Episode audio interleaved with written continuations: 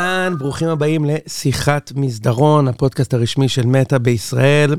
שמי יונתן נמרודי, וזה הפודקאסט השלישי שלי, אז uh, כאילו רשמית, יש לי יותר uh, פודקאסטים מביקורים במדיון. האמת שאף פעם לא הייתי במדיון. Uh, ומה שאנחנו עושים בפודקאסט הזה, בשיחת מסדרון, אנחנו מארחים בכל פרק מחדש דמויות מפתח מתוך ה ecosystem המקומי, uh, כדי לדבר על ביזנס מהפריזמה הייחודית של uh, האורחת או האורח שלנו.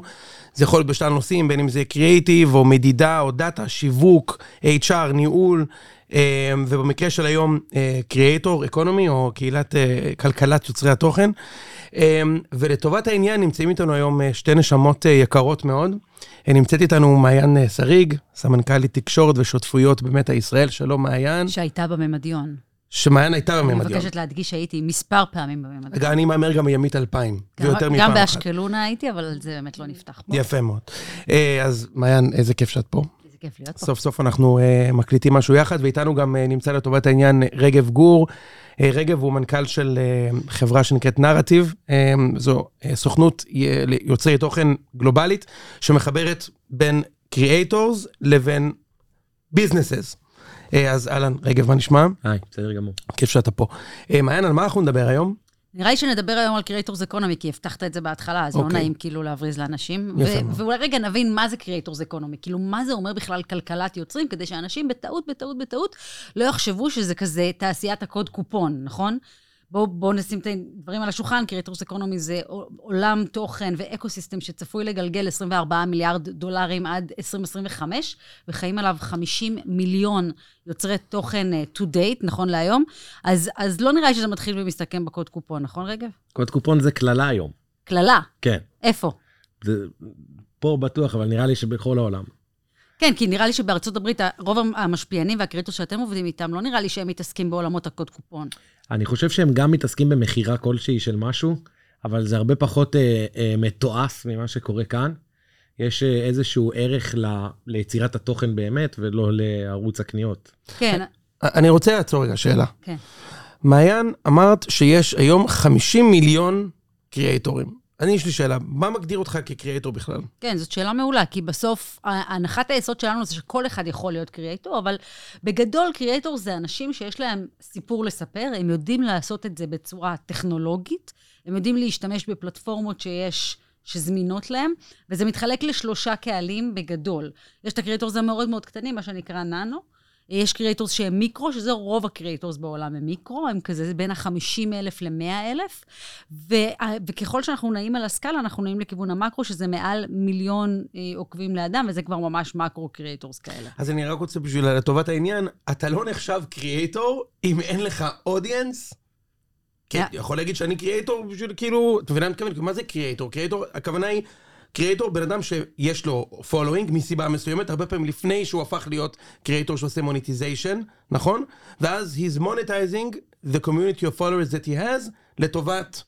נכון, חד משמעית. אוקיי. משפיען שאין לו אה, קהילה, הוא לא creator. אנשים יכולים לייצר תוכן מדהים, אבל אם אין קהילה שעוקבת אחריהם, אוקיי. הם לא creator. זה חד משמעית. סבבה. אז בואו נחזור רגע לתוך ה ecosystem הזה שאנחנו מדברים עליו, של creators economy, ואיך הוא נראה. אז מצד אחד... יש לנו את ה- branded content, כן? כאילו, שחברנו למותג, creators הופכים להיות בעצם marketing channel של היופי הזה. הדבר הזה עובד מדהים, אנשים מתפרנסים מזה אחלה, נכון? כאילו, ראינו את ה shift הזה בין, uh, של creators מתחביב ל full time job. אני חוזה שזה ייגמר. נכון, גם אני. יש fatigue, יש עייפות, אנשים כבר לא מאמינים לזה. מה שנקרא burnout, כאילו, אנשים, היה, הייתה, היה, כמה זמן היית מגדיר את התקופה הזו שבה... לא, שנים רבות. זהו, שנים רבות. זה עוד ימשיך, אבל פשוט לא בתצורה הנוכחית. תמיד היה ערוץ הקניות. אני, אני חושב שעדיין יש, אגב. כן, ואני מניח שאנשים קונים שם. אני פשוט, אה, אני פשוט אה, מתקשה להבין את ה deal flow הזה, שמישהו אה, צופה במישהי או מישהו אחר במסך, והוא רק מוכר לו דברים. מבחינתי הוא לא יוצר תוכן, הוא, הוא, הוא, הוא מוכרן. זה לא משנה, אבל אתה אומר שזה לא יעבוד יותר? זה, לדעתי, זה לא יעבוד יותר לטווח הארוך. אני לא מסכימה. אני בטוחה שזה ימשיך לעבוד. אנחנו רואים את הנתונים, אנחנו רואים את רמת האמון שנוצרת בין עוקב לבין משפיען לבין קריאייטור היום. אנחנו מדברים על 71 אחוזים מהאנשים אומרים לנו שהם מאמינים לכל מה שקריאייטור אומר להם. כלומר, הם, רמת האמון שם היא כל כך כל כך גבוהה, שגם ההמרה, ה-conversion journey, הוא מאוד מאוד קצר. אני רק מדבר על הקטע הזה של ממש מכירה הארדקור. תקנו את הקרם הזה, תקנו את האופנוע הזה. אני לא מסכימה איתך. וכולי, אני חושב, אז אני בטוח שזה ייגמר. זה ייגמר, אני מסכימה שזה ייגמר. אני, אני חושבת שזה פשוט ישתנה, כי התעשייה עוברת שינויים מטורפים, ותכף נדבר על איזה עוד חלקים יש בה, אבל, אבל הדבר הזה, הקשר, הריליישנשיפ שיש בין קריאייטור... תמיד יהיה. תמיד יהיה. כן. וזה מה שמוכר, למה? כי כשאני קמה בבוקר עם לירן כהן, רשם קוד, או עם דנה זרמון, או עם מי שלא תבחר, ענבר לוי, ואני שותה איתם קפה ומטיילת איתם בחו"ל, ואני עם מאיה בלוויה של אבא שלה, ואני חלק משגרת היום שלהם, בצורה כל כך אימבדד, כאילו, אני כל כך בתוך השוחות איתן, שכשהן אומרות לי, יואו, השתמשתי בקרם וזה היה מדהים, אני אומרת, אה, וואו, אוקיי, גם לי זה יהיה מדהים.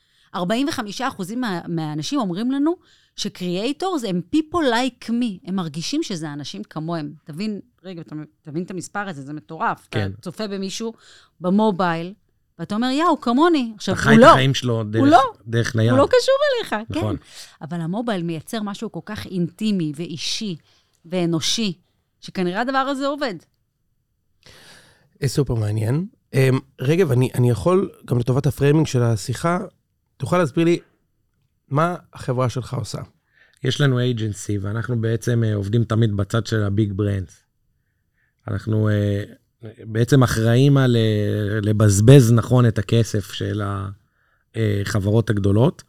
יש לנו בפורטפוליו משהו באזור ה-35 חברות, ואנחנו בעצם עושים להם את כל, ה, את כל הנושא של ה-Creator Economy, את כל הנושא של משפיעני רשת, מאוד מאוד פרפורמנס אוריינטד, כלומר כל הדברים שאנחנו עושים הם בכוונת פרפורמנס, יש לפעמים כל מיני קמפייני awareness כאלה קטנים, אבל באופן כללי אנחנו מאוד מתפקסים באיך בסוף לגרום למישהו לקנות משהו. אז זה, זה, זה לא שאני לא מאמין בזה, אני פשוט לא מאמין בזה בתצורה שהיא in your face, אני חושב שצריך לעדן את זה קצת, ובאמת, אה, אה, ובאמת אה, לראות איך אנשים ממליצים על משהו בצורה עדינה יותר, ולא עושים אה, מצעד של מוצרים, בואו תקנו וקוד קופון וקוד קופון, כי אני חושב שלזה יש גיחוך. אז אה, זהו, אנחנו מנהלים אה, אה, כמה מיליוני דולרים טובים בשנה. תסביר איך זה עובד. אתה, מצד אחד יש לקוחות, מצד שני יש קריאייטורים, שאתה בקשר עם קריאייטורים, ואתה מחבר בריף לתוך, לתוך קריאייטור? כאילו, אני רוצה להבין שנייה את ה... אז כן, אנחנו כזה 90 אחוז, הייתי אומר, בצד של הלקוח יותר מהצד של ה creators, כי אוקיי. כל בריף הוא שונה. אם אנחנו עובדים למשל עם חברה ישראלית, עם Papaya, Papaya Gaming, אז כל פעם יש להם בריף אחר. אז, אז זה לא שיש לנו קאדר של קריאייטורים שאיתם אנחנו עובדים באופן uh, קבוע. Uh, uh, עכשיו יוצא להם משחק חדש של uh, סנוקר כזה, של pool, אז פתאום אנחנו צריכים לחפש את המשפיענים הכי טובים בעולם ה pool, משהו שלא התעסקנו איתו אף פעם, לא, לעולם לא חשבתי שאני uh, צריך לחפש משפיענית uh, ביליארד מאירלנד. אז אוקיי, אז, אז כאילו פר בריף אתה, אתם הולכים ומאתרים את המשפיענית או המשפיען, או ב scale אני מניח, ומגיעים אליהם בבריף, והם הולכים ומתחילים לייצר וידאוים אותנטיים. כלומר, אתם עושים רק את ה sourcing, או שאתם עושים גם את הקריאיטיב? לא, אנחנו עושים הכל, גם את הקריאיטיב, גם את ה sourcing. למעשה, הכאב ראש האמיתי. מה שמדהים, סליחה, זה לפני חמש שנים, היה לך, לדעתי, על... כל האצבעות של כולנו ביחד, זה מקסימום הביזנס שעשו את הדבר הזה. חד אוקיי? משמעית. כאילו, אני כן. לא, כאילו בעולם שאני גדלתי ב marketing, performance marketing, תמיד רציתי, אוקיי, להתחבר, נקרא לזה influencers, creators, תכף גם נעמוד על ההבדלים בין influencer ל creator, אם יש. יש. יופי, אז ניגע. ו, ואני רואה עכשיו איזה כלכלה, זה באמת economy, כאילו איזה כלכלה מטורפת יש בברידג' הזה, ואני גם חושב, רגב, שאחת הסיבות, שוב, אני, אני לא קורא מחשבות, אבל אתה בעולם הזה הרבה, ואני בעולם של פרסום הרבה, אני מרשה לעצמי להמר שאחת הסיבות שרגב אמר שלדעתו, הנושא של בואו תקנו, הנה המוצר, הנה הקרם, הנה אני מורח, מורח אותו על האף וזה עובד מדהים, ילך וייעלם, כי מה שקורה בצד שני זה שיש יותר ויותר demand, או לפחות פרסיבד uh, demand, כאילו אתה מניח שהדרישה שלך היא לראות תוכן שהוא יותר אותנטי. כמה שיותר אותנטי. עכשיו, גם אני, בשבע שנים שלי במטא, פרס... עולם הפרסום, בשבע שנים האלה השתנה משמעותית. פעם מספיק היה להראות מוצר עם כמה תמונות, ורץ וזה הפרסומת טובה. היום אם אין בן אדם שעומד ב center, ונראה אפילו, הצילום נראה כזה חצי, לא, נקרא לזה לא produced, זה לא עובד. נכון, זה לא מקנברט. זה לא עובד. נכון. ככל שנראה יותר כי אולי רגע נבין. אנחנו מכינים איזה 50-60 הודעות כאלה בחודש, אגב. מודעות, כמו שאתה מדבר שזה מדהים, כן? UGC. כן, זה בדיוק זה, אתה חייב ש- היום שיהיה לך הרבה שלמדנו את זה בבית קריאיטיבים. ספר של מטא ישראל, to be honest, כאילו, כן. הפריבילגיה שלנו לעבוד איתכם לצורך העניין, גרמה לנו פשוט, אנחנו כבר יודעים מה הצורך, אנחנו יודעים גם מה ה client רוצה, גם איך נראית מודעה כמו שצריך, מה מוכר, מה לא עובד, מה הטרנדים החדשים, אנחנו כל הזמן up to date, אנחנו כל הזמן מקבלים מכם אימייל, וכל הזמן באים לכנסים שלכם ורואים, אוקיי, המודעה הזאת עכשיו ממירה טוב יותר, וכולי וכולי וכולי, וככה אנחנו בעצם אה, משפרים גם את ה-ROI של הלקוח, כן. וגם אנחנו נעשים טובים יותר בזה. אז קודם אל תעשה יח"צ, באמת, כן, זה. מאוד... אה, נורא מאוד יכעס. תעבירו לי אחרי זה, תעבירו לי את זה אחרי זה? בביט. איזה כיף. אה, אני רוצה רגע, אבל כן להגיד לכם, להתחבר למה שאמרת, יונתן, ולהגיד שבסוף אנחנו יודעים מה מפעיל אנשים על הפלטפורמה. אנחנו מבינים מה גורם לאנשים להפוך מעוקב לחבר קהילה ומחבר קהילה לצרכן. ולכן, כשאנחנו מבינים את, ה, את המיפוי הזה, אנחנו מבינים שגם המודעות צריכות להתנהג אחרת. אפרופו צריך אדם במרכז. אז אנשים מגיעים לסושיאל היום כי הם רוצים להרגיש שייכות, הם רוצים להרגיש אנושיות, הם רוצים להרגיש שהם מזדהים, הם רוצים להרגיש שהם חלק ממשהו שהוא גדול מהם, שיש עוד אנשים דומים להם, הם רוצים, הם רוצים כאילו להרגיש שכאילו זה לא, המילה אותנטיות היא כבר, אתה יודע, 2020 כזה, כן? כבר היום אבל, אנחנו... אבל מעיין, אני חייב לשאול אותך משהו. כן. האם אי פעם קנית משהו, כי משפיענית או משפיען המליצו לך עליהם, באופן ישיר, ממש, נכנס ללינק שהם נתנו ו... הרבה פעמים, כן?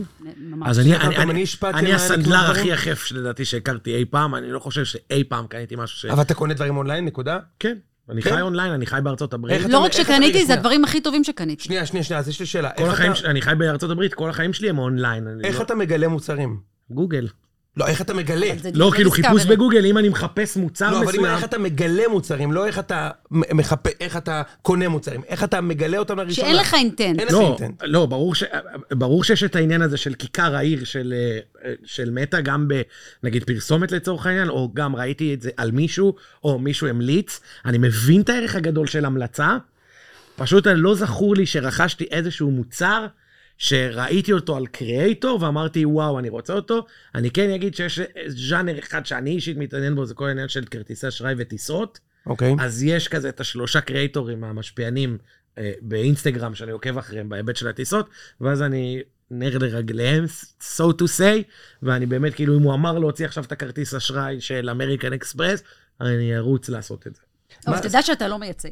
תדע שאתה אתה שונה בתוך הכלל הזה. כלומר, כן, אחת הסיבות שקריאטורס אקונומי עובד כך טוב, זה כי אנשים באמת נורא, מאוד מאמינים וגם מרגישים שהדבר הזה עובד. הרי אם אני את- פעם אחת אקנה, כי מעיין אדם המליצה לי על מוצר, קניתי אותו והתאכזבתי, אני הרי לא אחזור לקנות שוב. לכן האחריות שיש על קריאטורס היום היא גם עצומה, והם מבינים את זה.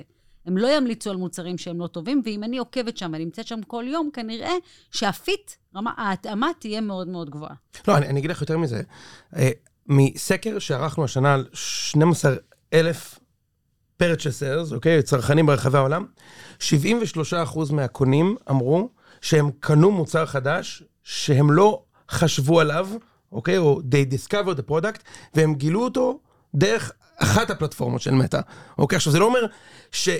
מהמטא לחצתי, קניתי, אוקיי? אבל אתה, discovery, המון פעמים אתה עושה באמת, או יכול להיות, יש פלטפורמות אחרות גם שאפשר לעשות בהן discovery, העניין הוא ש discovery commerce זה, זה it's a thing, כן? נכון. 93% מהאנשים שקנו מוצר אונליין הודו שהם גילו מוצרים חדשים ב-lean back mode, אוקיי? ב discovery mode. זאת אומרת שאתה שוכב, יושב עם הגב אחורה, גולל, incrementally. וזה... תשמע, זה העניין של discovery marketing מול intent marketing, אוקיי? ו- ובמקום הזה, זה- אני רוצה רגע לחזור לשאלה. מה ההבדל בין קריאטור לבין אינפלואנסר? רגב יענה. אז 80% מהאינפלואנסר לא, they don't influence. הש- מה השאלה, שנקרא מלבן ומקבילית. כל מלבן הוא מקבילית, אבל לא כל מקבילית היא מלבן. כן, בדיוק. אם, אז, אז הרבה אנשים, אה, אתם, אני יכול לתת אה, דוגמאות בעולם, יש אנשים שהם גם יוצרי תוכן וגם משפיענים ב, פשוט ברמה הכי גבוהה. כמובן שהדוגמה הכי קלאסית לדבר הזה זה מיסטר ביסט, כולנו מכירים אותו. אה, היוטיובר הכי גדול בעולם, כנראה גם יהיה האינסטגרמר הכי גדול בעולם, כאילו בכל, חולש על כל הפלטפורמות, והוא גם יוצר תוכן מטורף, והוא גם אינפלואנסר מטורף. מבחינתי אינפלואנסר זה האם הוא, האם הוא גרם לך לעשות מעשה שלא היית עושה בלי שהוא היה משפיע עליך לעשות אותו. אני חושבת ש, שבסוף משפיענים זה אנשים שהם מובילי דעה. יש מלא סוגים כאלה, הם לא צריכים להיות יוצרי תוכן מחוננים.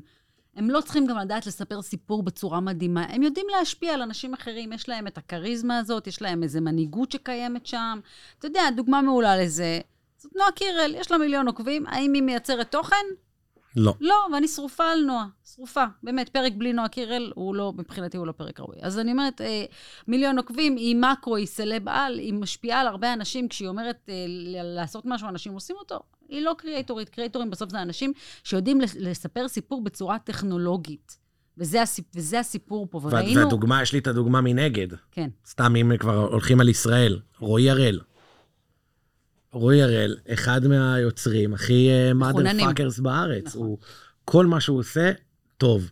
האם הוא ישפיע עליי לקנות איזשהו מוצר ביקום? לא נראה לי. טוב, מי שמכיר אותי ממקומות אחרים, אין לי מושג מי זה, רועי הראל. אבל אני גם לא... לא יודע מי הופיע באירוויזיון. אבל נועה קירל אתה מכיר, נכון? כן? נועה קירל אתה מכיר. זה זאת שהייתה באירוויזיון. יפה. אז רועי הראל, אגב, הוא חלק... אתה קורא לי יפייפי, אה, זה לא היא? לא, אנחנו גם לא שר... יש לי שאלה, יש לי שאלה כן. נוספת. אני רק רוצה לגלות לך משהו על רועי הראל, כדי שלא תמות בור, שהוא חלק מנבחרת ה creators של מטא, הוא חלק מנבחרת ה creators of tomorrow. באמת בן אדם סופר מוכשר. אז אם אתה לא מכיר אותו בזכות זה שהוא סלבריטי, תכיר אותו בזכות זה שהוא... לא ידעתי את זה, וזה ניוק מדהים לנבחרת הזאת. פשוט יוצר תוכן ממש טוב. כל הקרדיט של דניאל. והוא לא אינפלואנסר, וזה בדיוק ה... מעיין, יש לי שאלה. אמ, ב... אנחנו מתעסקים המון בפרסום, ובמתודולוגיה של פרסום אומרים כל הזמן, אנחנו אומרים, כשאתה עושה פרסומת, זה לא חייב להיות UGC, אוקיי? לא מדברים על זה. אה, אה, זה לא משנה כמה ארוכה הפרסומת, צריך להיות הוק חזק, ופרסומת יכולה להיות כמה שניות, יכול, אני תמיד אומר, יכול להיות 14 שניות, יכול להיות דקה ו-14 שניות. זה מתנהג אחרת ב-UGC או ב-Creator-led Production? כן.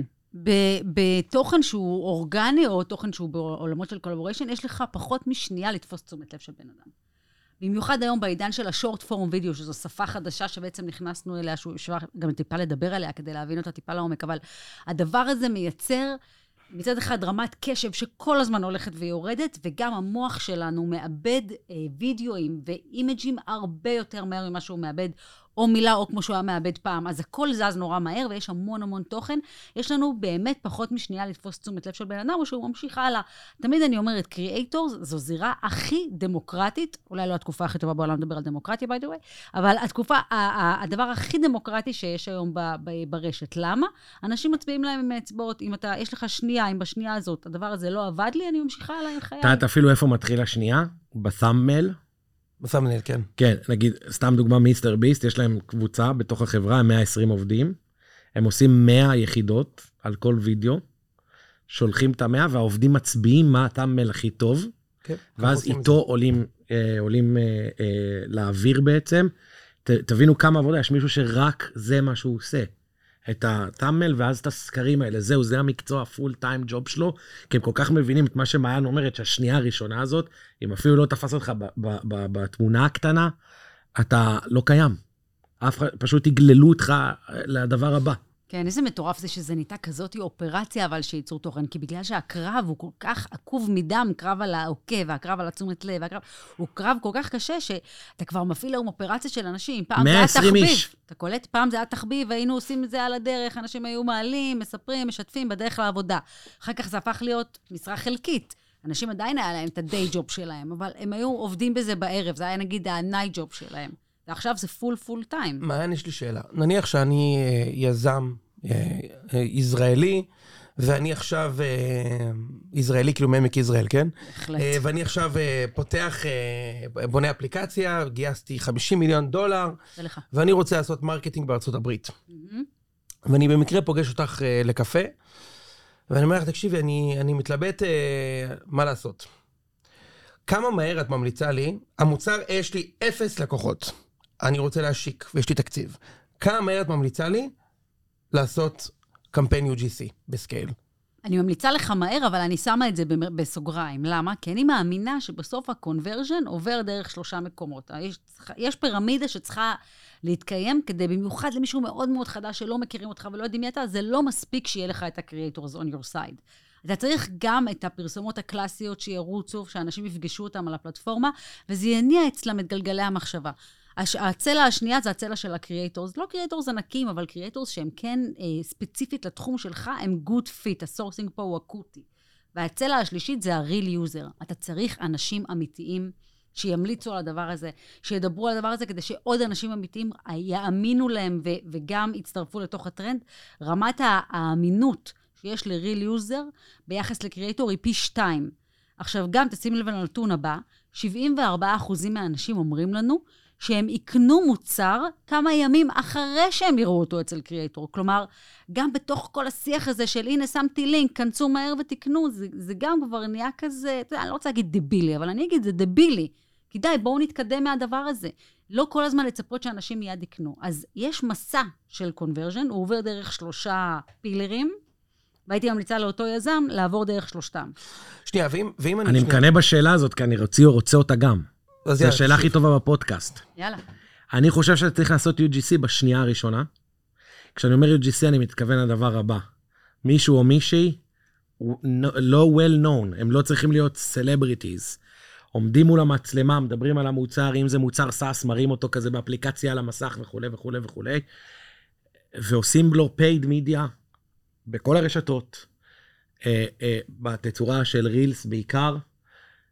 זה, זה ה marketing budget הראשון שאני שם, דרך אגב, אנחנו גם יודעים לאמת לך, אתם יודעים אפילו יותר טוב ממני, אבל מה עובד.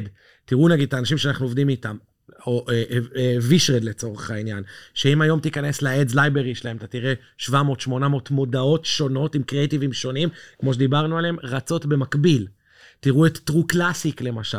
פשוט לקחה את זה לצורה, לרמה הכי גבוהה שראיתי בעולם, של לעשות את המודעות UGC האלה. הייתי שם את הכסף שלי על ההתחלה ב-UGC, וב-paid advertising בפייסבוק, במטא, אמ, ואז הולך ל- לשכבה השנייה, שזה לעבוד עם creatorים שאתה בעצם סומך על ה acquisition שלהם.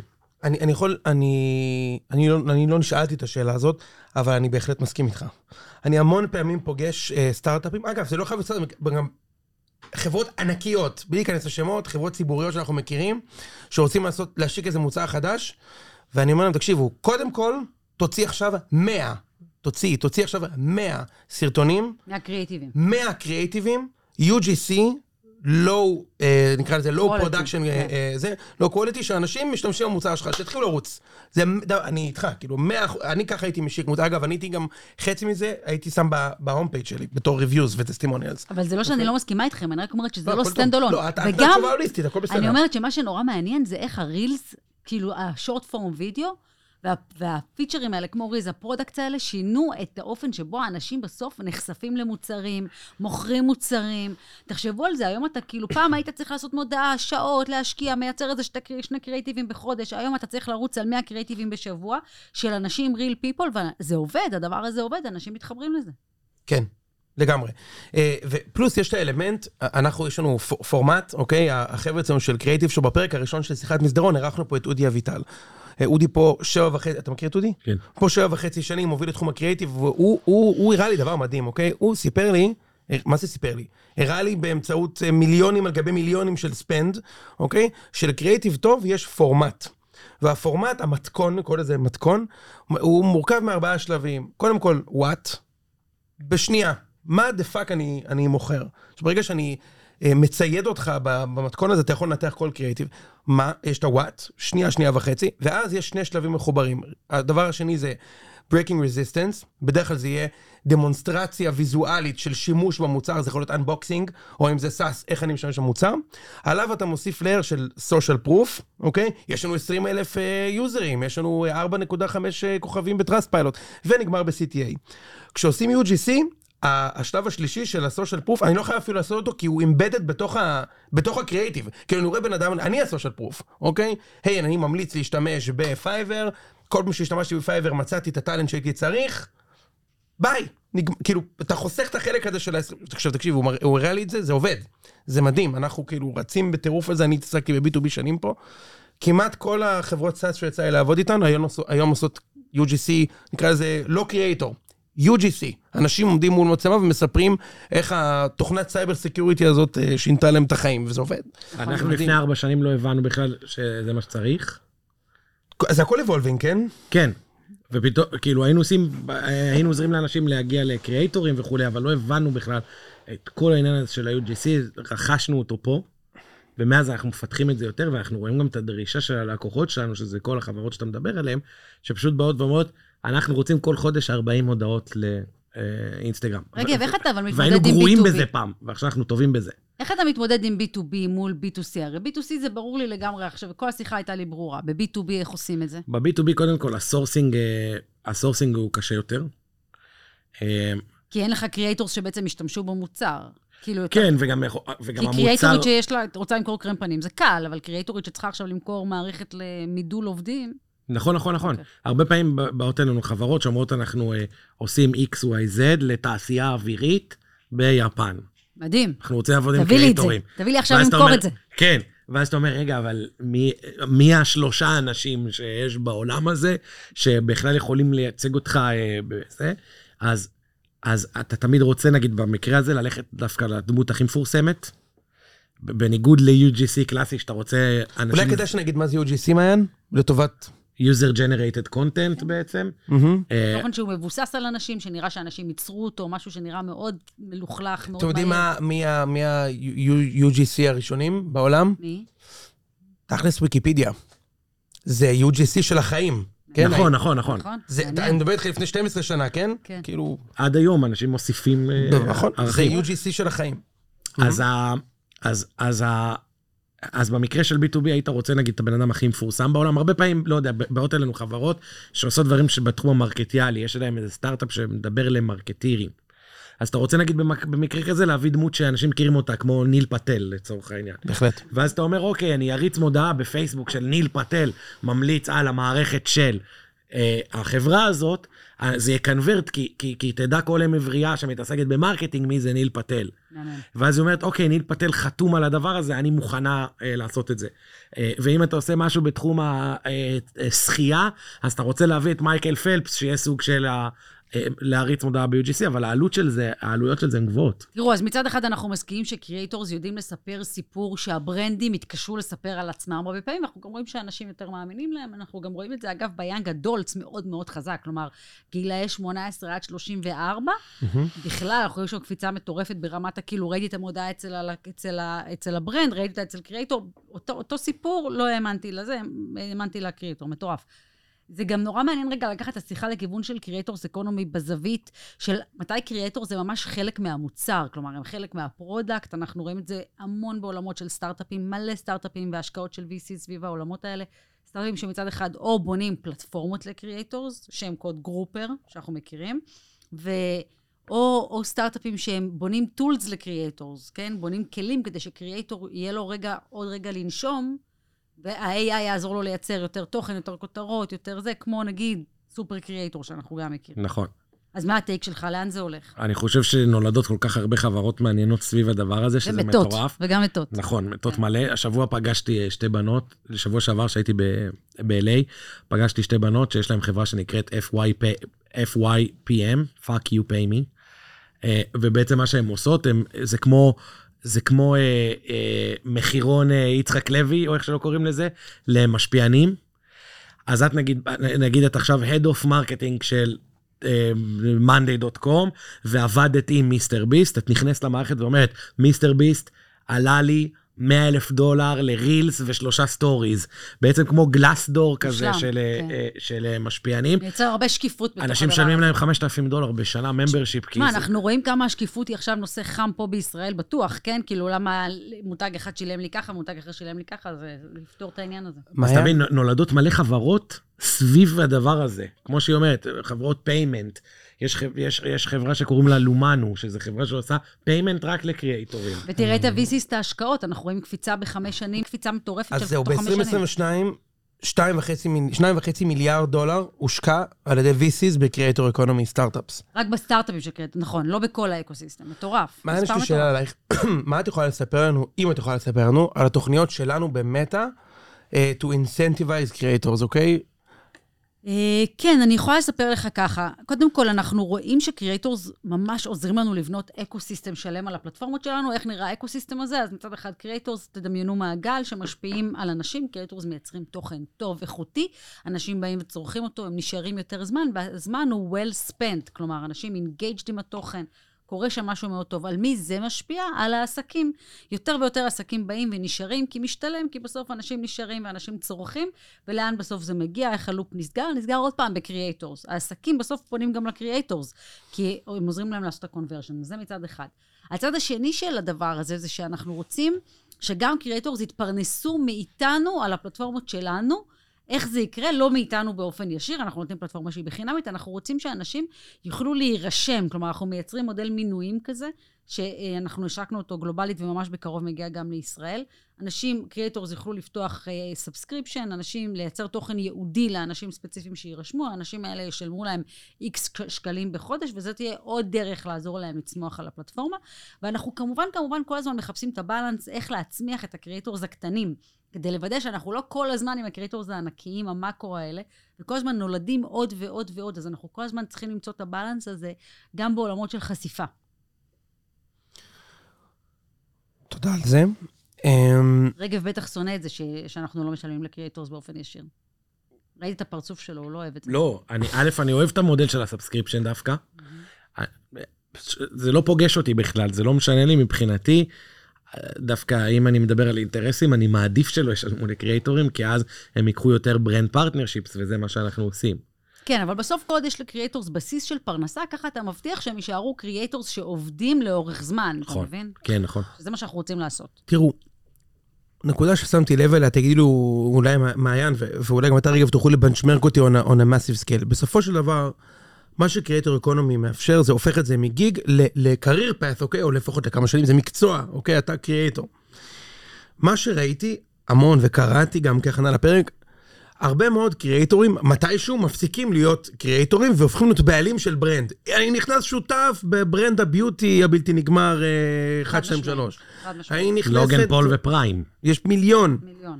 אוקיי? אתה יודע למה זה, אתה מבין את ההיגיון מאחורי זה. אני הרי רוצה... בא, בא אני רוצה... הקריאייטור... אני יכול שאני... אתה חכם יותר מכולנו פה, אתה מבין יותר טוב תביא, אבל מכולנו. בוא נסביר לטובת ה... אז, אז אני אומרת ככה, באה הקריאייטורית ואומרת, איך אני מוכרת יפה את מוצר X עבור Y, למה שאני לא אמכור אותו עבור עצמי, אם אני מכניסה לו כל כך הרבה כסף? למה שאני לא אייצר מוצר, אפתח ברנד ואתפרנס מזה בעצמי? זה הסיפור פה. ואנחנו אה, אנחנו מעריכים, אנחנו באמת העולמית, אנחנו מעריכים שזה אחד הדברים שאנחנו נראה יותר ויותר, ככל שהשנים יחלפו ונתקרב יותר מסכים. ל-2026. אני ממש ממש מסכים, ו... וזה נורא מעניין, זה כן? כמו שיש היום הרבה יותר עצמאים משכירים. מה? כן. לא יודע אם יש יותר עצמאים משכירים, יש הרבה יותר עצ- עצמאים ממה שהיו פעם. כן, נכון. בדיוק, כן. התנועה גדלה. כן, כן. זה אותו דבר, כי אתה אומר, למה שאני, יש איזו תנועה כזאת שאומרת, למה שאני אעבוד בשביל מישהו אחר, וייצר לו כל כך הרבה כסף. אתם מבינים מה שזה זה משהו. אחר לגמרי?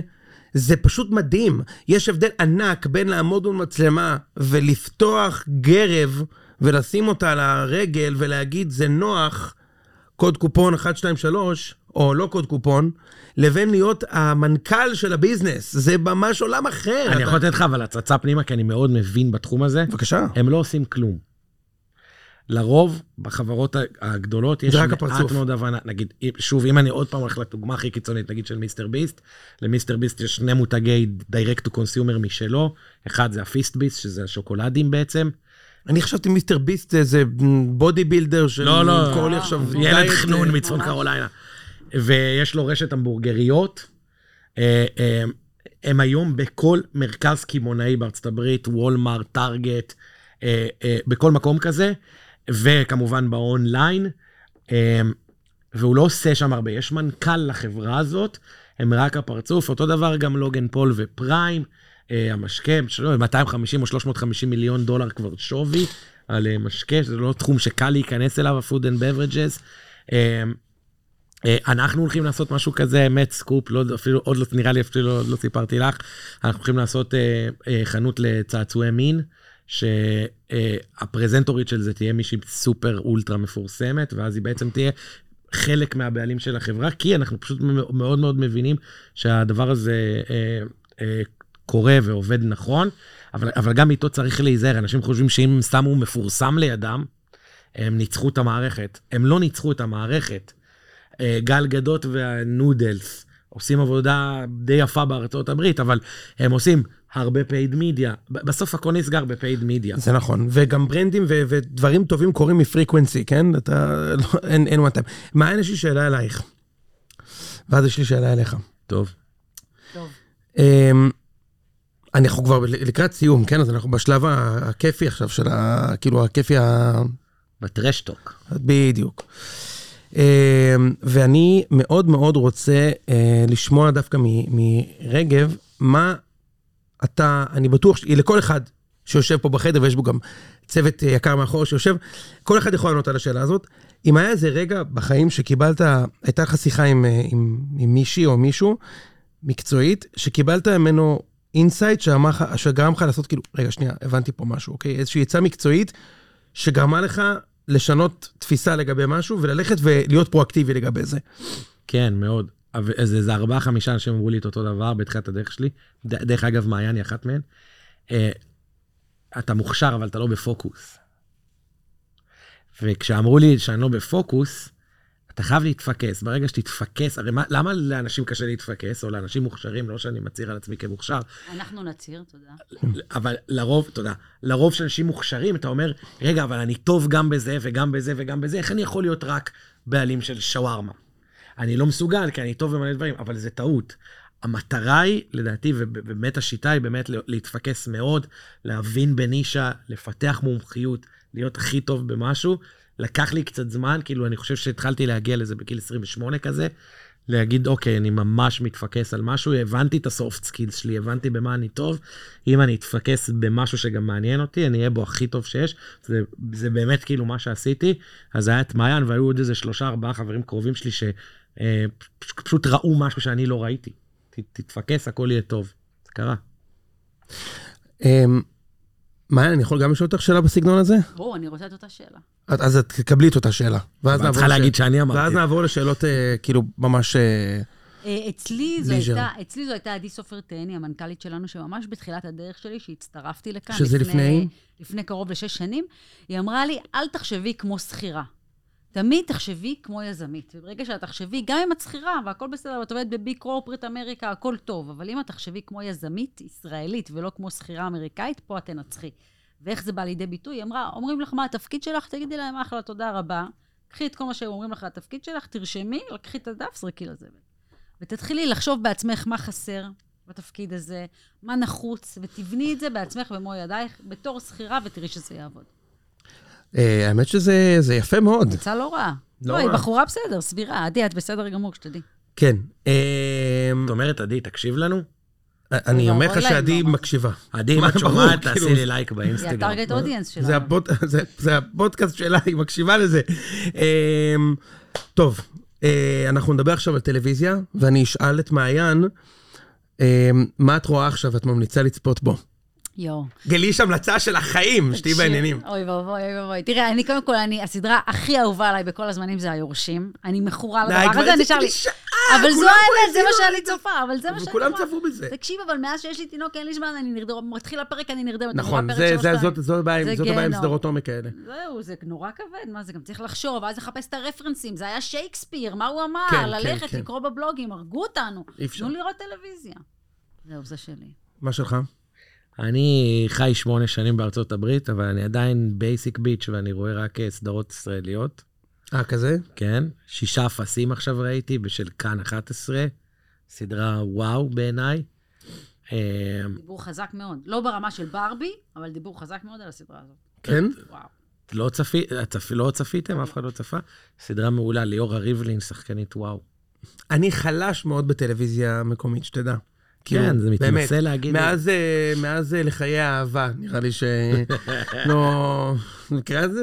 לא, אבל בואי כאן, ונשתה. אבל כאן עושים באמת דברים מאוד מאוד צדקה, כל פעם יפים. אומרים סופי צדקה, היא שומרונית, היא זה, היו ויכוחים. אה, קיצר. תשמע, אני גיליתי, אני עכשיו אתן את הטרש, את האור. אני עכשיו גיליתי בנטפליקס סדרה ריאליטי מושלמת, שנקראת Below Deck. Below Deck זה סדרה על יכטת יוקרה שמוזכרת בארצות הברית, שבוע, שבוע, שבוע, כל פעם מגיעים אה, אמריקאים יאפים, כאילו שבא לך למות לשבוע, והסדרה היא על הצוות. גדול. איך הצוות, מ- אה, אה, יש כאילו מצלמות, The Love Boat של... אבל רק. הקרו, רק הקרו, כאילו מגיעים זה האורחים. ואומרים, מה הצוות רוצה? יואו, הוא ביקש ביצים בנדיקט, אין לנו סלמון, רוץ לחוף, ההוא זה, הם שוכבים. ההוא מת, כאילו, ההוא מפוטר בכלל. הכי כיף שיש, הכי הכי כיף שיש, וזה שלמות, אחרי שאתה אם גומר אתה את היום שומע את זה, זה מה עבודה, שהולך לקרות היום בערב. זה יוצא מן הכלל. אין. סיכוי שאני שם על זה את הזמן שלי. ממליץ בקור. מאה אחוז. אין סיכוי שאני שם על זה את הזמן שלי. אתה טועה. נסה. אתה טועה. רק על זה לשים את הזמן שלך. טוב, בסדר, כדי שתוכל בשבילכם. להיות אה, זה, אנחנו זהו, אנחנו ב- אנחנו בזמן טוב. יש לי שאלה אחרונה לסיום, יס.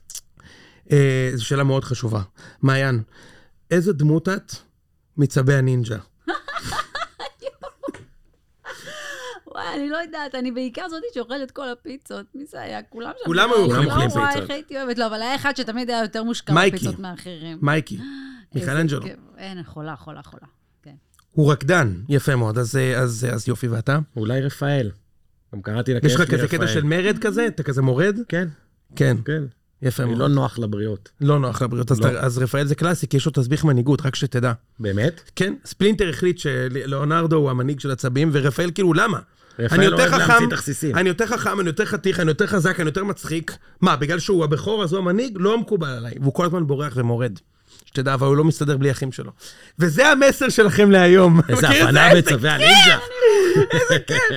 זהו, היה לי מה זה כיף. אה. מעיין, מה. זה תודה. אה, אותנו. ותענוג אה, ממש ממש. זה היה שיחת מסדרון. ואנחנו אה, ניפגש בפרק הבא. לפני שמסיימים, אני אבקש את כולכם, מי שמאזין לנו בספוטיפיי, לשלוף עכשיו הטלפון, לכתוב שיחת מסדרון עכשיו, זה מופיע, ואז לגלול למעלה, יש את הכוכבים. אז תנו לנו חמישה כוכבים, זה מה זה חשוב לנו לנצח. וגם סמנו בלב אה, ל favorite שלכם. כמובן, לעשות subscribe. וגם תעשו כזה שייתן לכם תזכורת על תקשיב, כל פרק השרתים של שיצא. ספוטיפיי קורסים מרוב סאבסקרייברים. כן. שתדע. כמו שהמשפיעניות אומרות, ה inbox שלי קורס. יפה מאוד. אז אה, תודה רבה.